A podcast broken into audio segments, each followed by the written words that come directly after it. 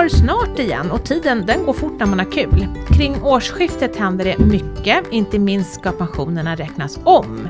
Pensionärerna ska få höjda eller sänkta pensioner. Men även vi som fortfarande sparar till vår framtida pension påverkas av de här omräkningarna. Det blir höjningar och kanske också sänkningar. Och hur påverkar inflationen köpkraften på våra pensionspengar? Det ska vi prata om idag och i studion sitter jag tillsammans med Dan Adolfsson Björk, hej! Hej! Och Kristina Kamp. Hallå hallå! Hej! Och vi jobbar ju allihopa på Min pension. Men ska vi ta det i tur och ordning? Den allmänna pensionen, Kristina, vad händer här nästa år? Mm. Vinnarna nästa år är ju garantipensionärerna. Det var de faktiskt i år också. Deras pensioner höjs med inflationen. Så att de gillar inflation. Nej det gör de ju inte, det är klart att. Men de får i alla fall behålla sin köpkraft. Så att nästa år stiger garantipensionen med 9,1 Oj! Hörru du, kommer du ihåg vad den höjdes med förra året? 8 tror jag. Oh. Mm. 8,7. Ja, 8, det är bra. Ja. Och dessutom fick man en höjning i augusti förra mm. året genom politiskt beslut. Ja, en Så tusenlapp. ja, exakt. Men, men, men, men. Det är inte speciellt många pensionärer som bara har garantipension. Som alltså får bara det. Den stora merparten som har garantipension har en del av sin allmänna pension som garantipension. Kanske några tusen lappar. Och sen har de inkomstpension också och premiepension. Inkomstpensionen, det vill säga den man har tjänat in till själv genom att betala skatt eh, och jobba. Den stiger nästa år om man får en utbetalning av sin pension. Så är det stiger den med en liten ynk procent. Så det är ju inte så mycket.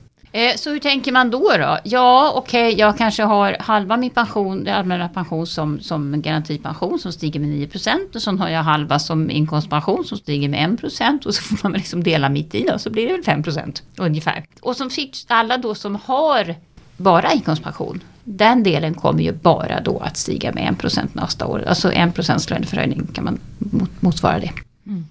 Det var inkomstpensionen. Och premiepensionen då?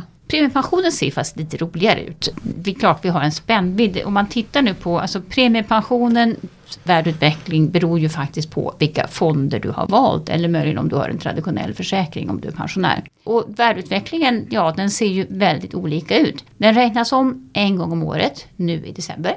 Tittar man på eh, vilka fonder som har bäst, gått bäst så är det teknikfonder du vet sån här AI mm. och allt vad det är. Där har vi liksom värdeutvecklingar på 40% plus. I andra ändan så har vi Kina-fonder som har ungefär gått nästan lika mycket bakåt. Nu är det inte speciellt många sparare som har Kina-fonder tror jag. Men låt säga då att vi, vi tänker oss att eh, pensionärer kanske får en ökning på 10% säkert. De flesta kommer I premiepensionen säkert, i premiepensionen kommer, mm. ja. Vad betyder det där för plånboken då? Jag skulle tro att snittpensionären som alltså är hyfsat ung, inte de här som bara har ATP då, utan en hyfsat ung pensionär kanske har i bästa fall 2000 kronor i månaden från sin premiepension. Och 10% på det, ja det är ju plus 200 kronor.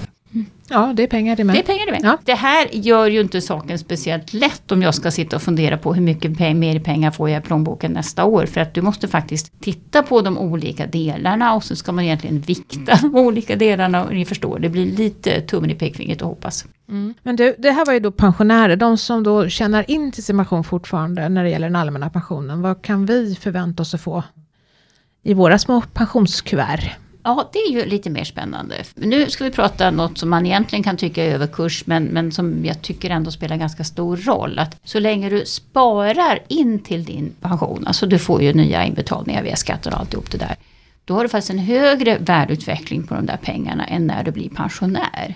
Och why, kan man ju undra. Jo, när man blir pensionär så får man faktiskt mer pengar i början än, än i slutet för att man inte ska dö ifrån sina pengar. Så att man lånar oss själv, man lånar av sin framtid. Så att pensionärernas värdeutveckling är då i den allmänna pensionen alltid 1,6 procent lägre än, än eh, de som inte bara börjar plocka ut sina pengar. Så att värdeökningen för oss som fortfarande sparar till pensionen är 2,6 procent. Mm.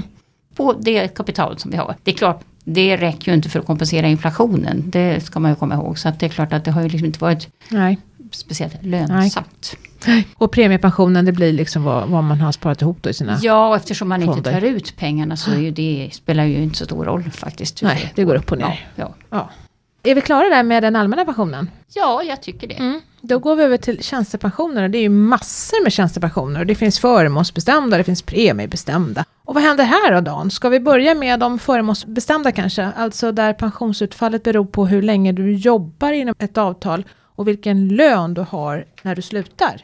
Mm. Här blir en upprepning av hur det såg ut vid förra årsskiftet och det beror just på inflationen. Eh, för i de förmånsbestämda tjänstepensionerna så är tanken att man ska behålla sin köpkraft. Så därför finns det någon form av prisindexering och det här är någonting som man får eh, genom pensionstillägg som det heter som då räknas upp. Och många som har utbetalning av förmånsbestämd tjänstepension de kommer få en uppräkning med ungefär 6,5 procent eh, mm. nästa år. Men det finns också förmånsbestämda tjänstepensioner som räknas upp med 9,1 procent. Eh, och sen så finns det, alltså det här är ingen naturlag utan det ser olika ut. Det finns de som räknas upp med 4 eller 5 procent. Och anledningen till att det ser olika ut, för det kan ju tyckas godtyckligt, det är ju att den här prisindexeringen, den ser, eh, skiljer sig åt beroende på vilken period som ska värdesäkras. Alltså tar man det här prisbasbeloppet rakt av eller har man en annan period som man då ska värdesäkra om det är september till september till exempel. Och sen så spelar också pensionsbolagens nyckeltal in. Eh, alltså om den här höjningen är möjlig eller inte beroende på hur man förvaltat pensionsmedlen också. Men hur ska jag veta vad som gäller för mig? Ja precis, hur vet man det? Det får man besked om från pensionsbolagen. I mitten på januari skulle jag säga så får man det här beskedet då vare sig man har förmånsbestämd eller premiebestämd pension och där framgår det vilka utbetalningsbelopp som gäller och man får också besked om utbetalningsdagar. Brev i brevlådan eller? Ja, i många fall är det det. Eh, man kan också logga in på pensionsbolagens eh, hemsidor och få uppgifter lite tidigare. Nu pratar du om de som är pensionärer va? Exakt. Ja, och vi mm. som sparar in till förmånsbestämd mm. pension då? Ja, då är man inte så intresserad egentligen av hur, hur, den utvecklas. Ja, men det är ju arbetsgivaren som står risken. Så skulle det bli en börskrasch eller någonting, ja då är det arbetsgivaren som får tillskjuta medel på något sätt. Eller vice versa för den skull, för att jag får ju en förmån i framtiden. Och det är en viss procentsats av min, min slutlön efter ett långt yrkesliv. Eh, så det, det, är, det, det, är inte någonting som liksom vi, bekommer mig. Så man, där ser man, vad tråkigt.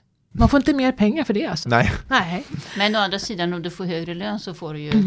Mer inbetalt. Ja, precis. När du blir pensionär så att du kan se, se det så. Ja. Mm. Och i, i, den mån den hänger med inflationen. Jag skulle precis säga mm. det faktiskt för att det gör den ju inte riktigt. Nej. Nej. Nej. Ja, och så har vi då de premiebestämda pensionerna. Där finns det ett kapital som arbetsgivaren betalat in och som förvaltas av olika bolag. Och en stor del av kapitalet finns i traditionella försäkringar. Och hur går det för dem?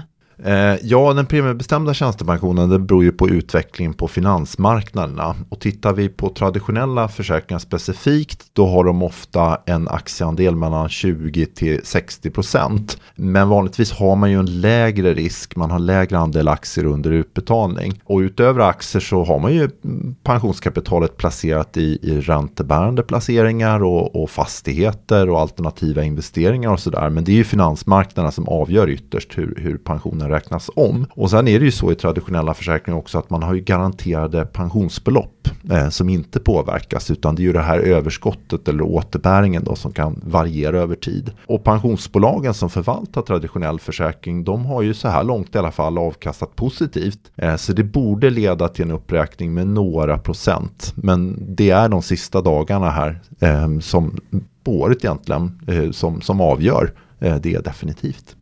Mm. Men kommer man inte att klara inflationen där heller med andra ord? Nej, det är högst osäkert, förmodligen inte. Mm. Och de här som har fondförsäkringar då? Mm.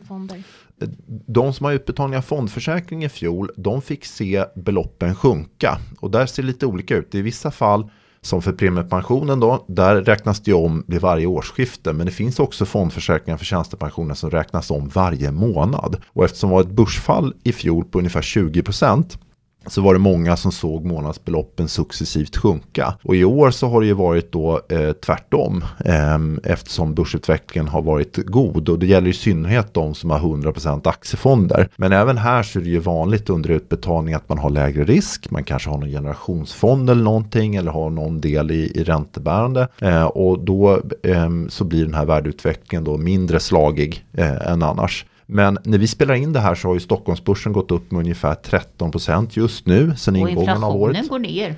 Och inflationen går ner. Så att de här månadsbeloppen har räknats upp och på många andra av världens börser som Kristina är inne på så har det också varit en, en god utveckling. Så att eh, här blir det påökt och det har det redan blivit skulle jag säga för många. Men det här visar ju också, som vi har tagit upp i podden många gånger förut, att det finns ju en slagighet i pensionsutbetalningarna som kanske inte finns när man liksom har en lön. Eh, vilket kanske ändå betyder att man behöver ha någon typ av buffert för att jämna ut. Om man, åtminstone om man har ganska hög risk i sitt sparande. Vilket naturligtvis kan vara lönsamt. Men då måste man ju också kunna betala räkningarna när det inte går så bra. Ja, det finns ju många olika varianter då av pensioner har vi hört. Eh, hur ska man då veta vilken pension man får i plånboken nästa år?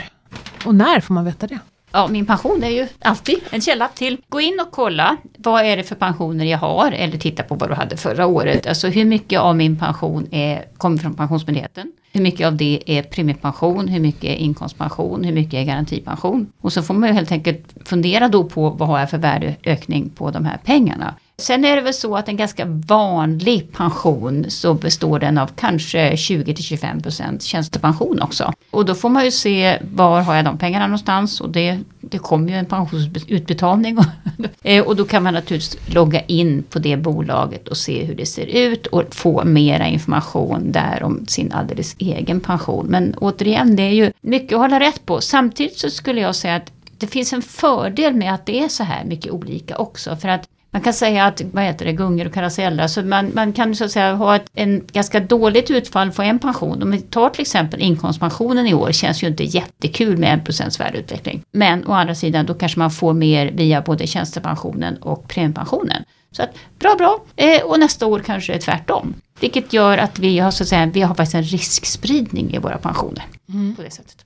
Jag vill inflika också att det här årsskiftet så ser det ju lite roligare ut än bli- det förra. För då pekade ju pilarna i olika riktningar. Det finns ju, fanns ju pensioner då som faktiskt där, där beloppen sänktes medan andra höjdes. Så det här årsskiftet så är det många pensioner som ändå räknas upp. Vissa blygsamt, andra mer.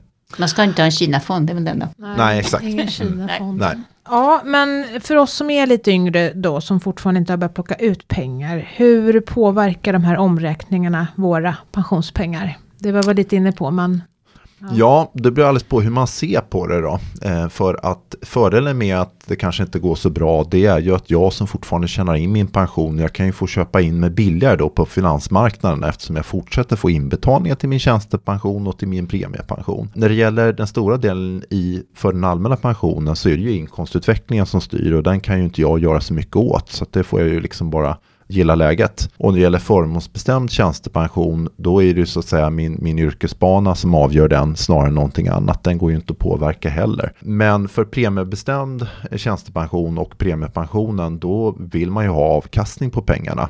Men då är det ju inte ett år som avgör utan det är ju det långsiktiga perspektivet återigen. Och har man ett sånt sparande under 40 års tid i slutändan så är det ju det är ju avkastningen med den här ränta på ränta-effekten som spelar jättestor roll. I vissa fall så kan faktiskt avkastningen eh, med ränta på ränta stå för tre av fyra pensionskronor om man får en bra eh, avkastning. Så att det är det som är det viktiga. Och där kan man även då mitt i livet när pensionen är avlägsen gå in på min pension under fliken intjänad pension. Och det kan man göra en gång om året för att se eh, var pensionen finns sparad någonstans och också hur den har utvecklats. Det är enda stället man är miljonär. Det är så trevligt. Ja, exakt. Ja. Man blir lite glad när man går Ja, in på min men sen, det som har hänt också det senaste året, eh, som inte har varit på många, många år, det är faktiskt att räntefonder ger lite plus. Ja. Faktiskt. Så att det är möjligt att det så att säga, finns en anledning att fundera över sån, sån mix i fortsättningen, om man till exempel då är pensionär.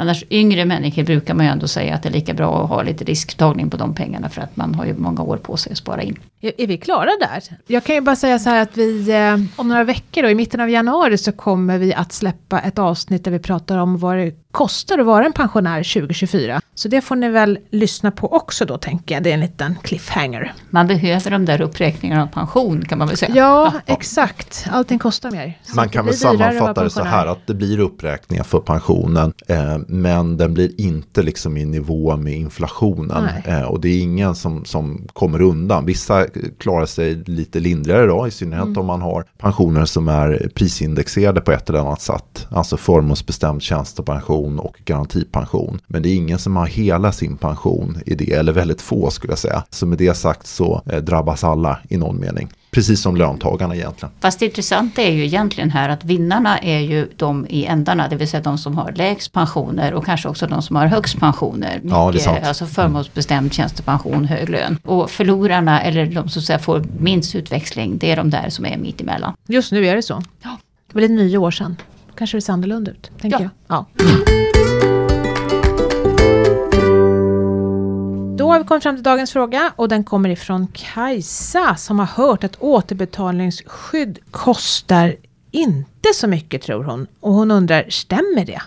Ja, det beror alldeles på blir svaret då. Alltså upp till ungefär 60 års ålder så är de här årliga eh, arvsvinsterna som man då kan få om man står utan återbetalningsskydd. De är rätt små i sammanhanget. Det är i regel mindre än 0,5 procent av kapitalet eh, varje år. Och det beror ju framförallt på att dödligheten är låg. Men sen stiger eh, de här arvsvinsterna relativt kraftigt år för år. Så att det är med andra ord under tiden som man är pensionär som de här arvsvinsterna blir, blir eh, påtagliga.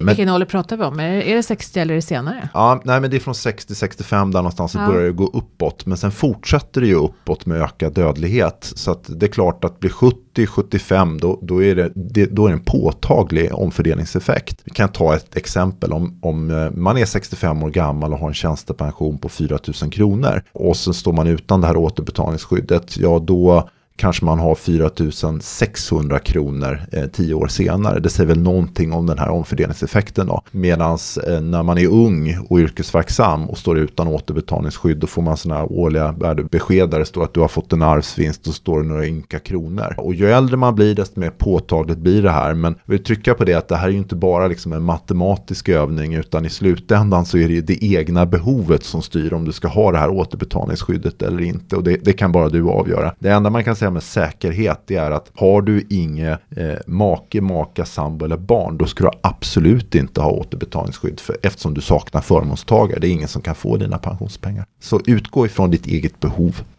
Och vi kan väl ha en cliffhanger att vi kommer ha en alldeles särskild podd om det på andra sidan årsskiftet också. Ja, och det var allt för oss idag. Tack för att du har lyssnat. I avsnittet har du hört Dan Adelsson Björk, Kristina Kamp och mig, Maria Eklund. Och Min Pensionspodden produceras av Min Pension som är en oberoende tjänst i samarbete mellan staten och pensionsbolagen där du kan logga in och få bättre koll på dina pensioner.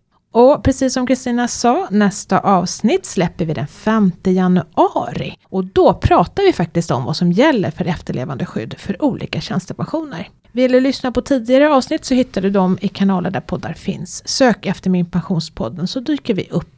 Om du har frågor som du vill att vi tar upp i kommande avsnitt, ja då mejlar du poddatminpension.se.